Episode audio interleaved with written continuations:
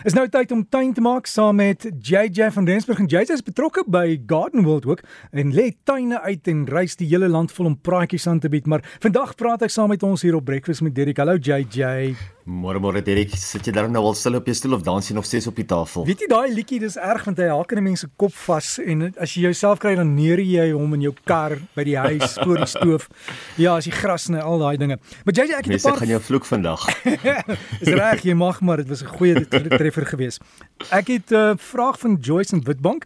Hulle het kersiebome met hulle plant. Hoe kyk jy na dit val in Witbank? En dan het iemand ook gesê hulle het die hibiscusplante in in potte. Dit begin mooi blomme maak en dan val dit af. Hoekom? So Derek, ons sit eintlik by die twee uiterstes daar sê, jy weet ons sê altyd vir die mense ons moet ons plante beskerm oor die wintermaande, maar toevallig kersies is een van daai wat eintlik in die wintermaande baie koud wil kry.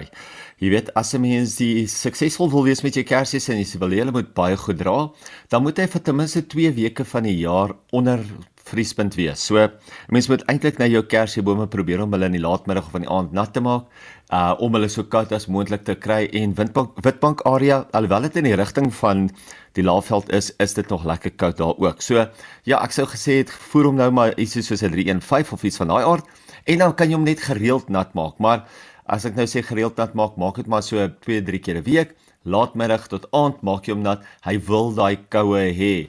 As ons kom by die hibiscus, hibiscus is nou heeltemal op die ander se uh uiterste. Hy wil nou weer warm bly in die winter en hierdie tyd van die jaar gaan jy baie van sy blare ongelukkig verloor want die plante begin koud kry, plante begin um hulle self klimatiseer nou vir die winter. So ja, jy gaan ongelukkig nou van die blare verloor of van die blomme verloor.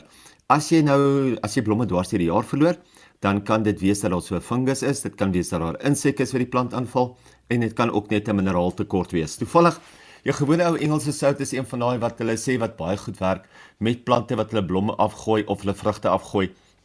So wie weet, gooi miskien 'n bietjie Engelse sout, miskien so 2 of 3 eetlepels van dit om die plant gooi dit nat en kyk of dit nie dalk 'n groot verskil aan jou kant gaan maak nie. En JJ, jou lys? Daar sê direk dit word weer daai tyd van die jaar wat mense graag meer tyd buite wil spandeer en lekker baie sonlig kan absorbeer. Nou ek self geniet dit om nou daai take aan te pak wat 'n mens altyd voorop sien.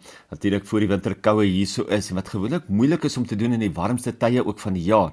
Skyf van die plante, ek weet ek het nou al 'n paar keer daarvan gepraat. Verf van jou potte, jy weet, daar's is baie potte wat eintlik met daai daai laagie verf nodig het, sowel as die verwydering van ongewenste struike kan nou gedoen word. Dit is interessant nogal hoe 'n mens partykeer net nie van 'n gebreekte pot of halfdooie struik wil ontslaa raak nie.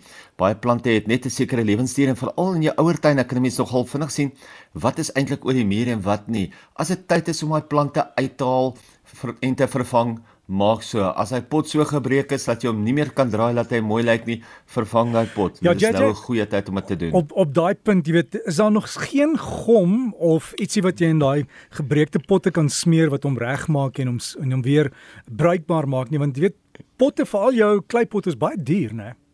Jou kleipotte is baie duur. Weet jy Dirk en as 'n mens kyk na jou baie van die oosterse gelowe, sê eintlik dat 'n gebreekte pot wat al sy krake wys is eintlik mooier as 'n pot wat nie.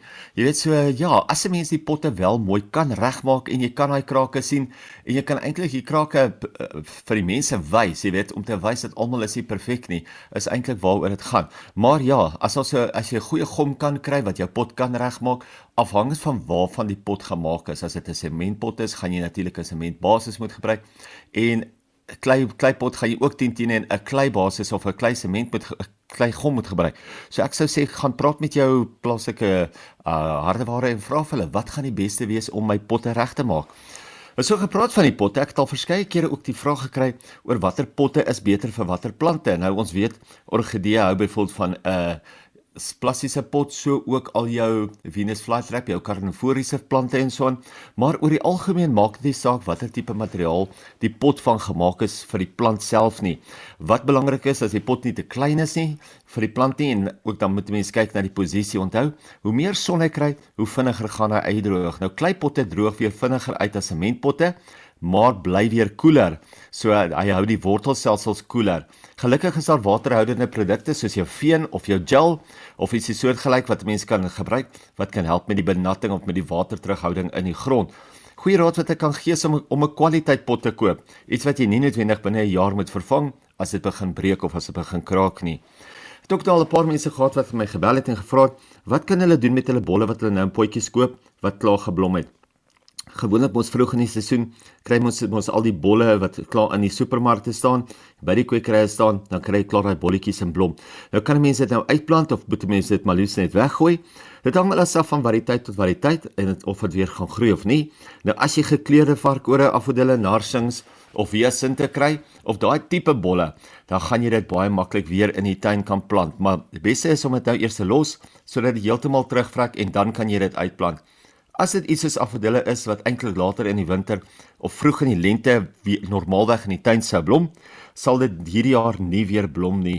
Die beste is nou om die plante te laat rus, hulle in die grond te kry en dan weer volgende jaar gaan jy blomme uit hulle uit kry. Tulpe is ongelukkig een van daai wat net een keer blom en nooit regtig weer nie. So as jy tulpe gekry het, dit kan 'n mens amper van van kant maak. Jy kan hulle maar amper weggooi want hulle gaan eintlik nie weer vir jou blom nie.